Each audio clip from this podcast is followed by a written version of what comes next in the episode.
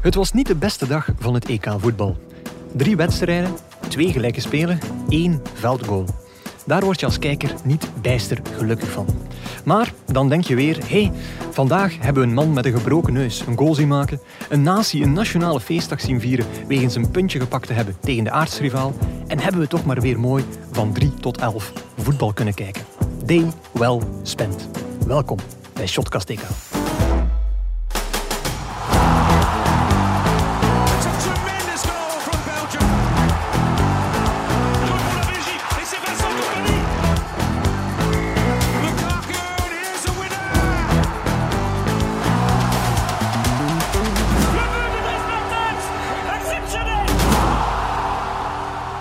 Dag Lars. Dag Guillaume. Een algemene mededeling, boodschap van algemeen nut, om mee te starten. Op verzoek van eh, heel veel mensen. Ja. Ehm, de tv werkt nog steeds. Ja, Ja, mensen hebben een soort affiniteit gekregen met het toestel, Ja. omdat we er heel vaak over gezegd hebben van Ja. het werkt niet. Eh, en nu dat we er niets meer over vertellen, dacht ik van ja, mensen gaan nu wel doorhebben dat hij werkt en blijft werken, maar er is een zekere Ja. drang om het toch te weten. Dus eh, voor, voor iedereen die het zich afvraagt, de tv werkt, we zijn gelukkig, we kunnen voetbal op een deftige manier bekijken. TV is de ster van de podcast Ja. aan het worden. Stilletjes aan. Langzaam maar zeker. Ja, en, en niet onterecht, niet onterecht. Nee, zeker Ehm, niet. Wie ook een ster van de podcast aan het worden is, zijn eigenlijk de luisteraars zelf. Want eh, ja, ehm, we gebruiken hen soms graag eens als een, als een soort alwetend Wikipedia-gegeel. Ehm, gisteren hadden we het over koning Filip, die eh, ja, blijkbaar het volkslied niet zong eh, Mhm. tijdens België-Denemarken. Weet jij trouwens aan wat dat ligt? Misschien kun jij het zeggen? Nee, niet, niet bijster toonvast of geen conservatorium gedaan of zo. Ik weet. Ja, het zou kunnen. Hoogstwaarschijnlijk is dat ook een Ja. reden. Maar heel veel luisteraars wisten het eh, ons te vertellen ja. waarom het zo was. En een van die luisteraars was mijn eigen oma. Eh, Ah, via mijn moeder wou die toch even laten weten van ja, de, de koning, Guillaume, die, eh, ze is wel nogal ro- royaal gezind. Ook die ja. generatie die is nog echt koningshuis. Mhm. Ze liet eigenlijk weten, ja, hij zingt niet omdat hij zichzelf niet kan eren.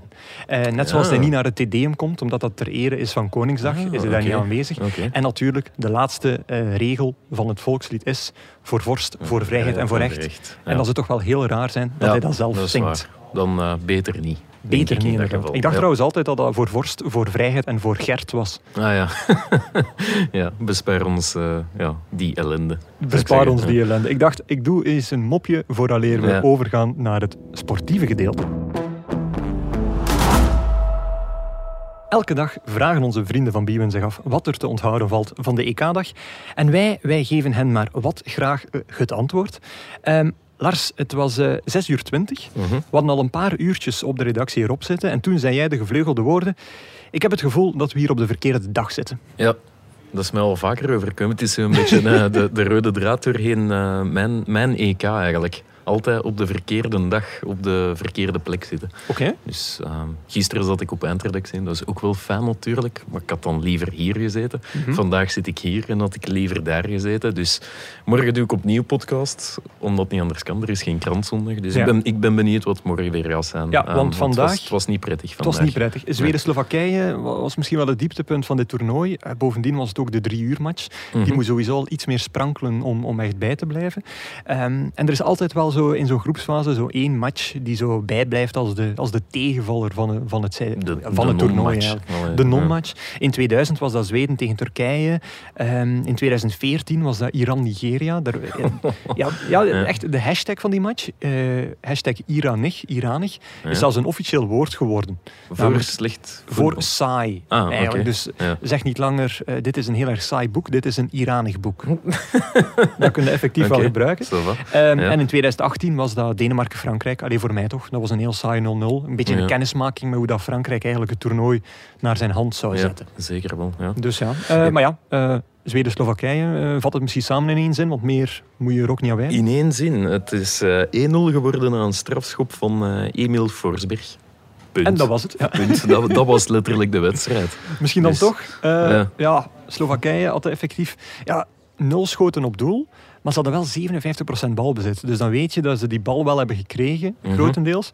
En dus echt niets meer hebben kunnen doen. Doet Zweden wel vaker. hè. Ja, Ook, eh, Zweden- tegen, Spanje, tegen Spanje is dat niet zo onlogisch, maar het was wel extreem. Ja, inderdaad. Ja. Weinig initiatief. Ja, toen hadden ze Ja. 15 of 19% balbezit, dus dat was al wat eh, weinig. Weinig. ja. Ehm, maar dan toch, ehm, één persoon, niet Emil Forsberg, maar toch iemand Ja. anders, eh, Alexander Isak, die toch een klein beetje warmte bij ons deed, eh Ja, ik deed vind dat wel, opborrelen wel, Mooie eh, dribbel en, ja. en ook de assist eigenlijk voor de fout die tot de penalty leidde. Mhm, ja, en allee, ik vind het een beetje een, een een speciale spits of een aparte spits. Mhm. Ehm, ik heb er een beetje ja, over liggen opzoeken, omdat je... Ja, Je bent geboeid Isaac- door Alexander ik ben. Ja, ik ben geboeid door, door de persoon. Hè. Ik heb er ehm, een, een beetje research gedaan. Dus hij heeft ehm Eritrese roots. Dus zijn ouders Mhm. komen uit Eritrea. Zijn gevlucht. Ehm, omdat de regering het daar met mensenrechten niet zo heel nauw neemt. Ehm, en hij is zelf geboren in Zweden, 1999. Oké. Al snel werd zijn, ja, zijn talent daar wel wat opgemerkt en zo bij eh, AIK. Dus Stockholm? niet AEK, ja, maar eh AIK.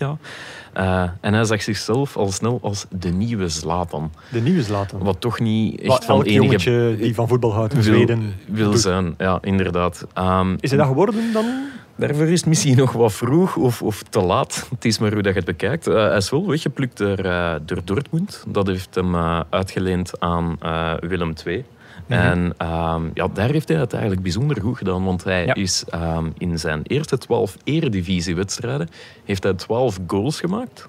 Niet en slecht. dat is het meeste van alle buitenlandse spitsen die ooit in de eredivisie zijn Dus gepasseerd. beter dan Ibrahimovic. bijvoorbeeld. Beter dan eh, Ronaldo, Romario, Suarez en inderdaad eh, Ibrahimovic. Wow. Ja, de man speelt nu in Sociedad Ja. in Spanje. En Goed spelen in Sociedad. goed spelen, absoluut. En ehm, hij heeft wel een beetje een voordeel, want in het middelbaar in Zweden heeft hij al Spaans geleerd met de gedachte, stel dat ik later profvoetballer word en ik moet ooit in Spanje gaan spelen, dan heb ik dat al mee. Ja. En daar heb ik nog een, een leuke anekdote aan vast. Ze gingen op Een leuke anekdote op een leuke anekdote. Ja, goed hè. Ja, maar het, eh, het wordt zo'n aflevering. Oké, goed. Ehm, op excursie geweest met die Spaanse groep naar Barcelona. Geweldige ontgoocheling, want de Sagrada Familia was dicht. Werken, al wa- werken 15 jaar zo waarschijnlijk. eigenlijk Ja, ze zullen daar aan het werken geweest zijn Ja. of. Of, allee, ik weet niet wat dat precies was. Maar hij heeft toen de belofte gemaakt aan zijn leerkracht en zijn groep. Als ik later beroemd ben en geld verdien, hè, dus als ik, Mhm. als ik ja, rijk ben, dan komen we allemaal terug. Om dat bezoek uiteindelijk af te ronden. Zo, zoals eh, Gert zong van heb je 10 miljoen, wat zou jij dan doen? Ja, Een feestje voilà. bouwen, geld opdoen en dan effectief in Plopsaland een feestje ja, geven ja, heeft. zoiets. Ja. En wat is er gebeurd? Hij heeft vorig jaar in september effectief naar zijn Zweedse lerares gebeld. Kijk, het is zover, kom je mee of niet? Geweldig. Ja, dat vind ik ook wel. En Fantastisch, het ja. moet er nog van komen, dus het, het staat nog te gebeuren. Maar het aanbod is er. Het aanbod is er en ja, dat is gewoon een schoon verhaal. En, en, Super. en het is heel handig dat dat er is, want eigenlijk valt er over die wedstrijd niet veel. eh, Nee, hij, hij- hij heeft, een su- hij heeft dus een sublieme dribbel gedaan en even een subliem hart. Ja. Ja, dat is een mooie samenvatting. Ja, en ze Man hebben 4 van op zijn 6, woord. dus ze gaan, eh, we gaan hem nog aan het werk zien. Ja, absoluut. Ja. absoluut. Ehm, heb je bij Kroatië, Tsjechië ook zo'n lieverd zien eh, rondlopen? Eh, Want dat was ook niet echt veel soeps. Nee, nee, nee, absoluut niet. Een lieverd niet, maar wel ja, iemand die toch nadrukkelijk solliciteert naar de status van cultspits. Ja, en het ook goed doet, want hij is op dit moment met drie goals. Topschutter van het ja. toernooi. Dus Patrick uh, Schick, ja, dat is hem.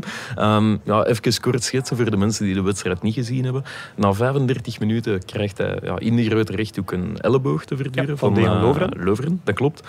Eh, zware bloedneus, misschien neusbreuk tot gevolg. Ga naar de kant voor verzorging, dat bloeden moet gestelpt worden. Ehm VAR checkt nog even de fase. Ja. En tegen dat dat gebeurd is, wie staat er achter de bal? Opnieuw, Patrick. Non-. Nonkel Patrick, ja, Ja, inderdaad. Ehm, en hij trapt hem dan ook nog eens binnen, gaat voor de camera juichen met, met, met bebloede neus. En, en, Hij was allee, volledig leeggebloed dat bloed er opnieuw en- en, ja, die eigenlijk. beelden, ja, formidabel. Hè. Dat zijn zo de, de beelden die in zo'n overzicht van een EK eh, bijblijven. Dat zal Ja. er zeker tussen Wel zitten. tegen de regels, want ik dacht eigenlijk dat het bloeden gestampt moest worden vooraleer dat het terug op het eh, veld moest. Dat dacht ik ook. Ehm, maar ja, andere, andere wetten zeker in, eh, op in, het, in, op het in Europese EK. toneel, toneel weet je het eigenlijk nooit. Maar Ehm, eh, nee, ehm, inderdaad. die Patrick Schick ja, is ook bekend van die eh, geweldige goal eh, met Tsjechië tegen Schotland. Mhm. waar dat hij de doelman een beetje te, te kakken zet. Maar ja, het was gewoon een geweldig doelpunt. Ja. Ehm, nog iets dat we over hem moeten weten, want ja, Tsjechië heeft ook 4 op 6. Ja. Dus wij gaan eh, ook nog wel eens een aflevering over hem moeten plegen. Eh, Eh, we kunnen al ons een beetje ja. inwijden in, in de geneugten van of Ten- in het leven van hem. Als hij erbij is, want hij, hij heeft nogal eens eh, vaak last, vaak last court eigenlijk, van, van blessures. Oké. Ehm, ja, een kniepijntje, spierscheurtje. Gebroken neus. Dat, dat soort dingen, gebroken neus. Ehm, maar de meest opvallende die ik heb gevonden is in het eh, seizoen 2019-2020, Ja. toen hij nog bij Leipzig Daar heeft hij tien wedstrijden gemist met problemen aan het eh, spronggewricht. Spronggevricht. Ja, ik weet ook niet wat dat is. Dat is blijkbaar iets in de enkel of in de voet. Ik ben totaal geen kinesist, maar hoe gek is dat? Hemel. Het spronggewricht, ja.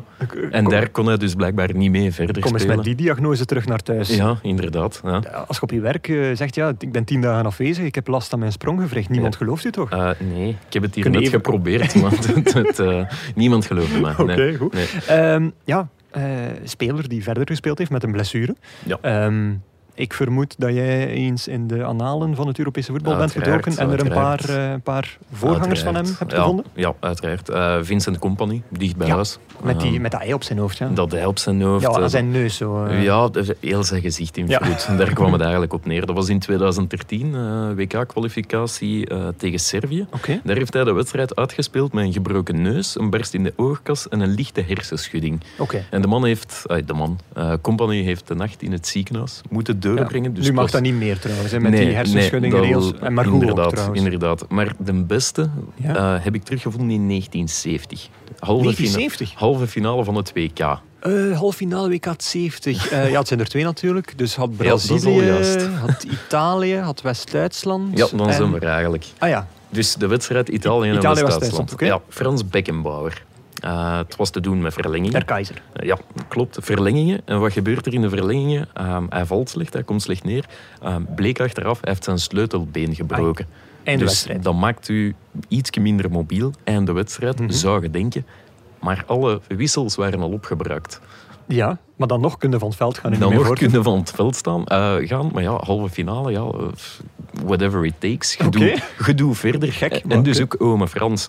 En die heeft de, de rest van de wedstrijd heeft hij afgewerkt met zijn arm in de windel. Dus eh, Ja? allee, heel zijn, zijn, zijn sleutelbeen was ingepakt. En hij speelde constant met de hand voor zijn, ja, voor zijn borst en tegen Ja. zijn sleutelbeen. Dus, Dus, eh, met, zijn hand met gebruikt hij om dat tegen te houden om dat tegen te houden, dus met de, ja, Oh, met de hand tegen het sleutelbeen. Dus totaal niet mobiel. En het is nog zuur opgebroken, want ehm, ja, de Italianen hebben nog de 4-3 kunnen maken, waarbij ja, Frans Beckenbauer niet echt helemaal vrijuit kon gaan. Ja, kon en, gaan, het zijn effectief. fantastische foto's. Ik heb ze opgezocht. We kunnen er eentje van delen eh, op, op, op Twitter Ja. later, eh, later deze dag. Maar fantastische beelden. Maar dus Ja. nog liever dan de eh, bebloede neus van Patrick Schiek dan ja, de, de immobiele Frans Beckenbauer. Ja, absoluut. Oké. Ja.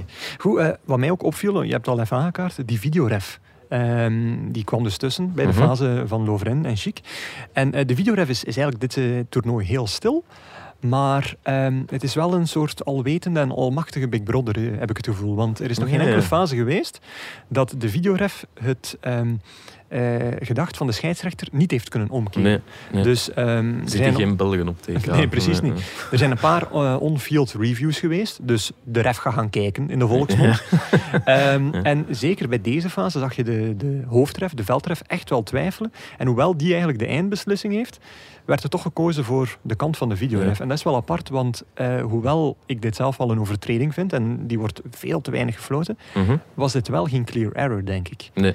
En ehm, dat is nog steeds de hoofdregel. Dus de VAR, als je geroepen wordt naar het scherm, denk ik, eh, hang je er als eh, eh, poten- potentiële dader altijd aan, denk ik. Ja. Ja, Dat- dat is wel de situatie. Ja, zeker wel. Ja. Wat ik ook bizar vond trouwens, ja, ik zei het al, die Tsjechen 4 op 6, die begonnen daar zo te vieren.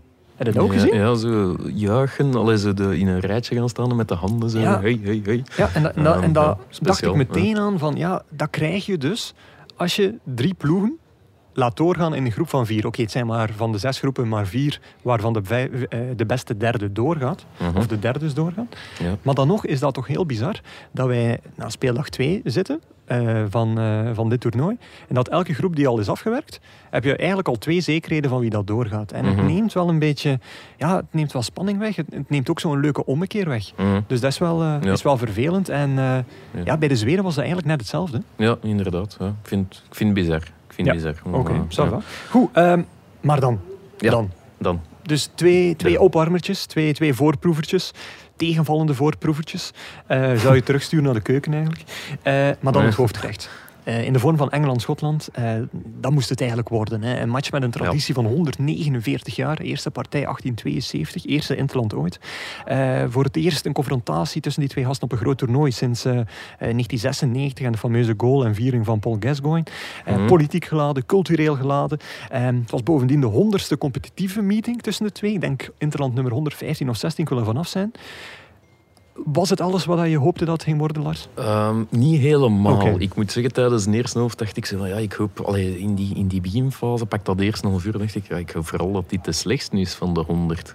Daar vrees ik voor. Dat- ja, ja, daar vrees ik ook voor. Maar ik moet nu wel zeggen, ja, tweede helft is dat toch wel, hè, hoe, hoe verder het evolueren, hoe meer dat, dat wel gecompenseerd werd. eh, want draai of keer toe gewild zat wel strijd, intensiteit. ehm, Braveheart tegen de Engelse koning. Exact. Het zat dan ook wel wat meer kansen in. Dus uiteindelijk, Savan nog wel. We hebben er gezien. Ja, we- vandaag. we, we hebben veel er gezien. Ja, we hebben geen voetbal gezien. Nee. Eh, ook geen enkele veldgoal, zoals ik het openingswoordje zei. Eh, maar we konden er op een of andere manier van genieten. En, en ik, ik heb normaal wel wat nood aan goed voetbal, maar nu had ik zoiets van de anticipatie naar deze match en dergelijke. Eh, dat was voor mij al voldoende. Alles wat dat in die 90 Ja, minuten ja, nog ja. zou gebeuren, was een soort bonus. Maar het was zelfs niet eh, eh, eh, Een essentieel. surplus. Ja, en ik vond het vooral heerlijk, omdat dit was nog eens een moment om zo het verhaal van die allereerste Interland ooit naar boven te halen. Dus, dus Engeland-Schotland, 1872. Eh, Eh, dat is, het, ja, dat is de eerste Interland ooit. Ik weet niet of je het verhaal kent. ik was er niet bij. Je was er niet bij, helaas. Was, moest Wel. nog honderd jaar later en de rest geboren worden. Maar, maar wiskunde maar toch is- niet je ding, hè? Het, is goed, niet. het is goed dat jij er waart. Ja, ik- ik was erbij. Dus, Ik was eh, erbij als ooggetuige. Vertel maar. Nee, jawel, de eerste eh, Interland ooit. Eh, Engeland was toen eh, bakermat van het voetbal. De FA Cup was ook in 1871, 1872 ontstaan. Eh, en Engeland speelde, zoals heel veel ploegen, in een 1-2-7 opstelling. Ik zie u kijken. 1-2-7. 1, 2, 7. 1-2-7. Oké. Dus eh, voetbal was toen eigenlijk ook een- echt nog de bal hebben en dan beginnen dribbelen. Dus van samenspel was er eigenlijk geen sprake. Ah, ja. Eh, er werd ook nogal wat geduwd. Eigenlijk was het ja, een beetje advanced rugby, laten we het zo zeggen. Rugby, Ja, op, zo, moment. ja, het was nog, eh, het was nog niet voetbal, nog lang niet voetbal zoals wij het kennen. In Schotland is dat nog altijd zo. Ja, ja wel. het was daarnet ook zo. Eh, nu, ehm, in Schotland, eh, daar werd er ondertussen ook gevoetbald. Ook nog in diezelfde 1-2-7-formatie. Maar die Schotten werden dan plotseling uitgenodigd om een interland te spelen tegen de Engelsen. Nu, wat hoorden zij? Of zij zagen eens die, die Engelse spelers. En ja, zij waren gemiddeld 10 kilogram lichter dan die Engelsen. Als je weet dat het nog zo half rugby is, dan kan dat wel eens een, een redelijk... Kilo, kiloke kan van pas komen. Ja, dan kan dat wel eens een stevig Ja. nadeel zijn. Dus die Schotten hadden een lumineus plan. Zij eh, vervingen een aanvaller door een middenvelder, gingen van een 1-2-7 naar een 2-2-6 systeem en Oké. gingen zowaar passen. De Ja. pas op dat moment bestond nog niet. De, de paas is uitgevonden door, door de Schotten. Wel, eh, uitvinding, ja, eigenlijk zou je het wel zo'n beetje kunnen zeggen. Dus de, de, de Schotten zijn dan beginnen passen in die match. Hey. Eh, niet met de bedoeling om via passing een goal te maken, maar wel om ervoor te zorgen dat de Engelsen de bal nooit zouden Ah, hebben. ja, oké, en de ja. einduitslag van die match was dan ook logischerwijze 0-0. Ah. Dus dat moet een dramatische wedstrijd geweest Oké, zijn tussen ja. een ploeg die achter een bal liep en we nooit had, en een andere ploeg die de bal had en nooit wou aanvallen. Maar eh, dat is het verhaal achter die eerste Interland. is En, een, eh, beetje, een beetje ironisch dat zij de paas hebben uitgevonden. ja, het, is een, het is een soort tiki-taka catenaccio. ja, Zo je het eigenlijk wel zeggen. Als ik vroeger met mijn vader naar eh, Celtic Rangers keek, die zei dat altijd. Eh, omdat, dat een lange bal is en de Ja. bal ja, schoppen en doen. En hij zegt dat altijd. Ja, het balbezit is weer 30% Celtic, 30% Rangers en 60% van de tijd in de lucht. en er valt wel iets voor te zeggen, Dat, vind ma ik. dat maakt samen 120% maar ik begrijp je punt. Swat, eh, nog iets effectief over de match, want ja, ook hier kunnen we eigenlijk heel weinig vertellen. Hè? Ehm, ja, het enige wat, wat ik wel opvallend vond is de 800 backs van Engeland die Ja. ze mee hebben naar dit EK. Vooral rechtsbacks, maar ook linksbacks. En ja. de beste liep bij Schotland rond, Oké, vond ja. ik, met Andy Robertson. Ja, eh, en, En daar eh, viel toch iets voor te zeggen. Hè. Dat is en de man die allee, blijft gaan. Hè. ja, en O'Donnell, de, de, de favoriet van Gert, om het zo te zijn, die heeft ook Ja. geen slechte partij gespeeld. En het is inderdaad waar, van die 800 backs hebben er bij Engeland ook al vier gespeeld. Hè. Hebt, eh, had nu eh, James en Shaw, Ja. die speelden. En eh, in de eerste match was het Trippier en Walker. Dus ik denk dat Southgate effectief nog van plan is om ze allemaal te gebruiken. Ja. Dus terecht dat hij al die rechtsbacks heeft opgeroepen, denk ik. Ja. Zwart. over die match, het voetbal was niet fantastisch. Ze hebben eigenlijk een beetje een Belgen-helft gespeeld. Ze gaan ook wel doorgaan natuurlijk. Ze hebben ook wel 4 op 6. Ehm, maar eh, de enige vraag die ik nog wil opwerpen, en ik hoop dat we er in de loop van het toernooi een antwoord op gaan krijgen. Welk familielid van Garrett Southgate, de bondscoach, heeft Jaden Sancho vermoord? Want waarom Eh. krijgt die jongen geen kansen? Ja, geen idee eigenlijk. Ik vraag het mij ook af. Ja, maar ik, ja, zou het een onkel, zou het een tante zijn? Ik weet niet, ja, Ik- ja. misschien onkel Patrick, zoals je al Onkel eerder zei. Patrick, dat zou kunnen. Ome Frans. Ome Frans, ja. Die Ik denk, ja. Jaden Sancho moet iets verschrikkelijks hebben aangedaan aan, aan Southgate, want anders komt hij er toch in. Ja, dat zou ik ook denken. Zat. Goed, eh, we zijn weer helemaal mee eh, eh, van, eh, van deze dag. Het was niet echt superveel te vertellen, maar we zijn weer helemaal mee. En dat is dan eh, het signaal om over te gaan naar de wisselrubriek. Vragen staat vrij. Help! Onze mailbox staat in brand. In deze rubriek behandelen wij al uw vragen, dwaas of niet. Vandaag nog eens een onvervalste vraag van eh, één persoon. Geweldig grappig dat we rond 10 na 9 dachten van goh, we willen nog eens een vraag staat vrij doen. We gaan eens in de mailbox kijken. Om 11 na 9 komt toch wel zeker een mailtje binnen van eh ene Marnik. Ja. Dag mannen van de Shotcast. Voor elke match wisselen de kapiteins een vaandel uit. Waarom doen ze dit eigenlijk? Is dit ook een restant uit de periode dat de Mongolen heersen over Rusland? Of, eh oeh, dat is een slechte einde van zijn zin, maar eh, Rusland, vraagteken. Wat doen die teams met al deze vaandels? Is er op de KBVB een heuse vaandelwal of belandt het ergens in een doos? Groetjes, Marnik. Eh, Lars, ja, Ja. de historie van het vaandeltje, zeg maar. Heel moeilijk. Heel ben moeilijk. beginnen googlen en het is eigenlijk er, voor mensen die een Wikipedia-pagina willen maken over eh, voetbal, vaandels.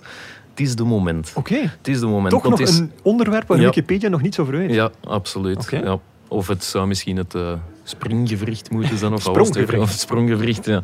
Nee, het is eigenlijk heel simpel. Hè. Een, een beetje een drieledige reden. Dus enerzijds als, als respect voor de tegenstander. Een soort ja, gewoon geschenkje, cadeauke. Dat is Ja. enerzijds. De, de achterliggende tweede reden is eigenlijk een soort stilzwijgend akkoord Ja. om er een faire wedstrijd van te maken. Dus om, om eh, respect te hebben voor de fair play regels. Voor de, En dat wordt bekrachtigd met een geschenk. Exact. Ehm, maar het is ook gewoon een leuk aandenken Ja. aan een wedstrijd. Dat is hè. mijn Ehm, idee daarvan. Dat denk ik ook. En ja, wat leuk aandenken betreft, ehm, ja, ik ben beginnen zoeken en ik heb toch iets gevonden. Hè, zo'n, een, hoe, hoe noemt je het alweer? Eh, Nutteloos, een nutteloos eh, weetje. eh, ja, een nutteloos weetje, of een leuk weetje, te koer.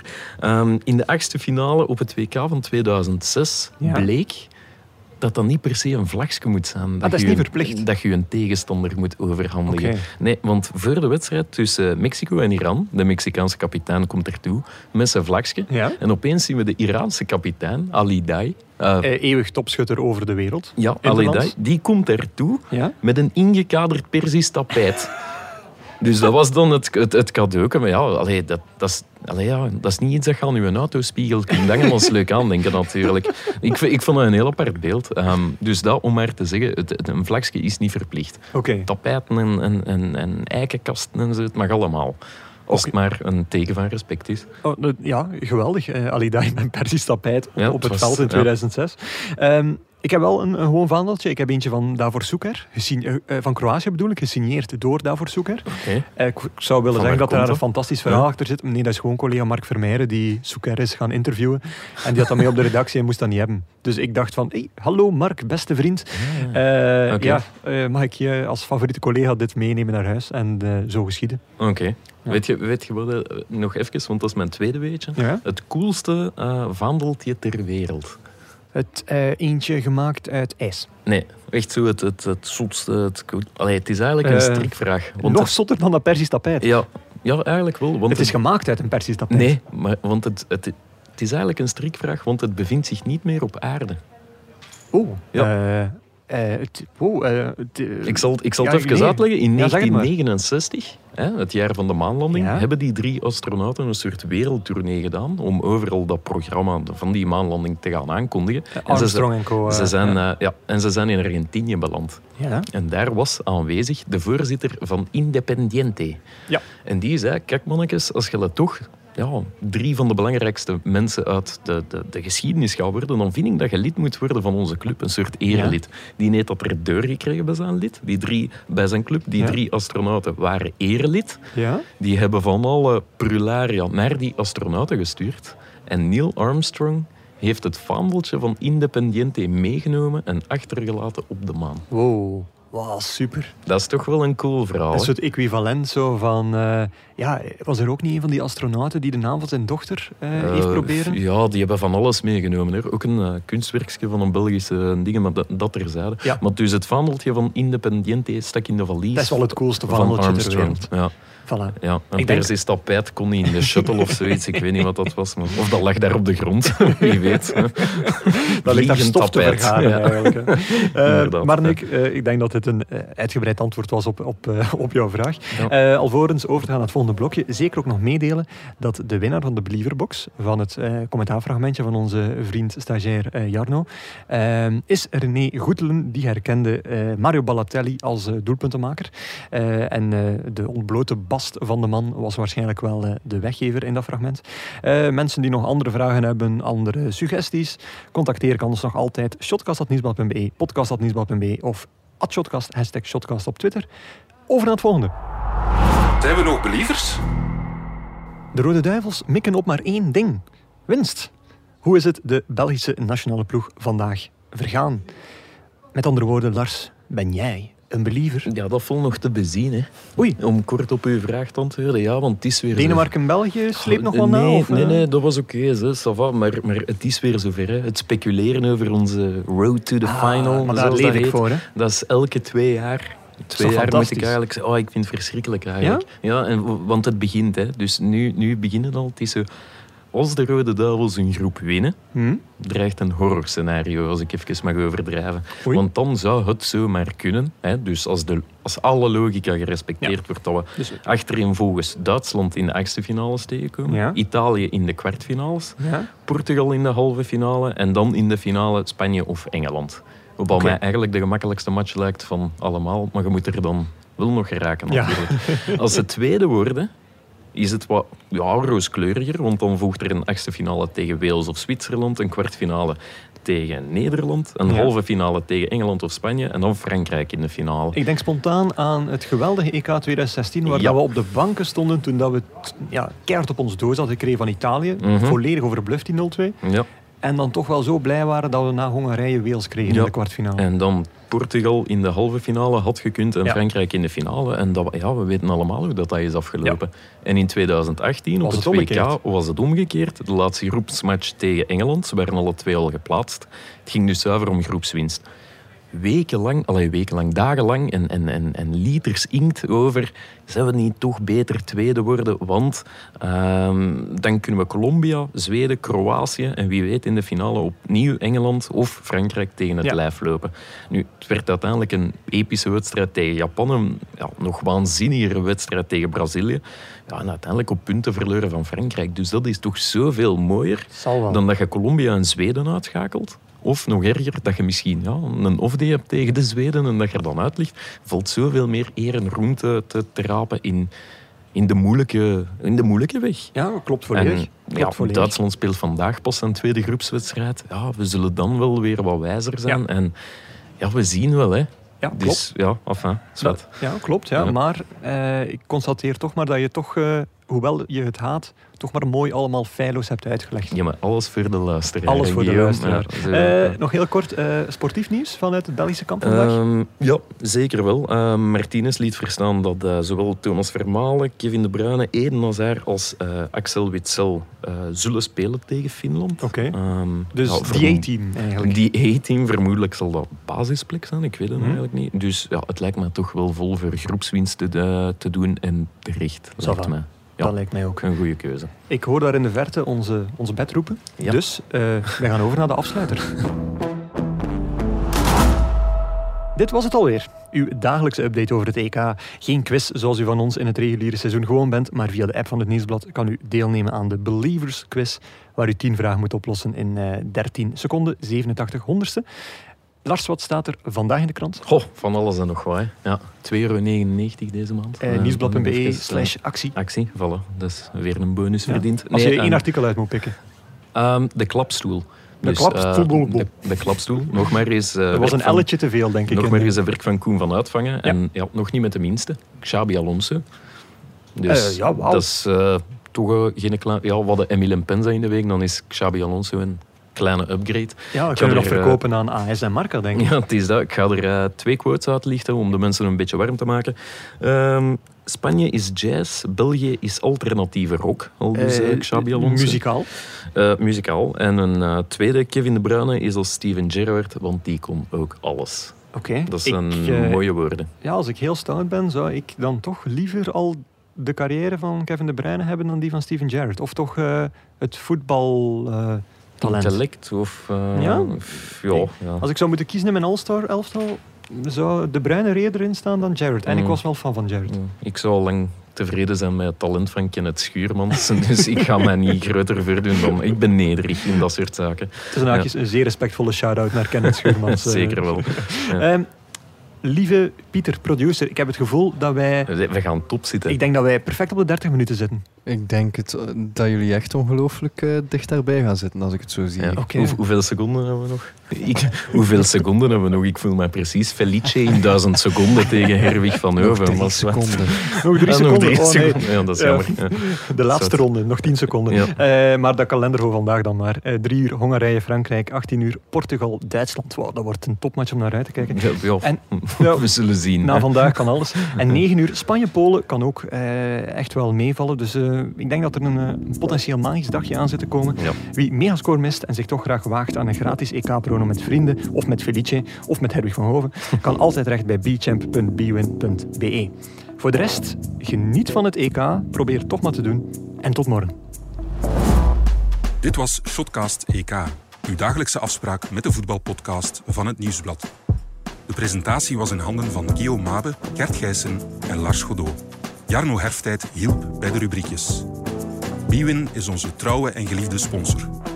De muziek werd verzorgd door Stef Leenaerts van House of Media. Zijn collega's verzorgden de montage, waarvoor grote dank.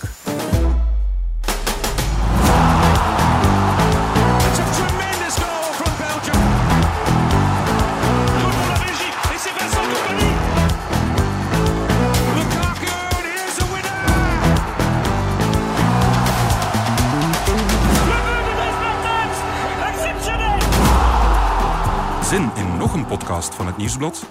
Kies dan voor onze wielerpodcast De Koers is van ons, onze politieke actua-podcast Het Punt van Van Impe of onze crimi-podcast De Stemmen van Assise. Ook Slimmer Leven en ons magazine Billy kan u niet alleen lezen, maar ook beluisteren. En anders, tot morgen.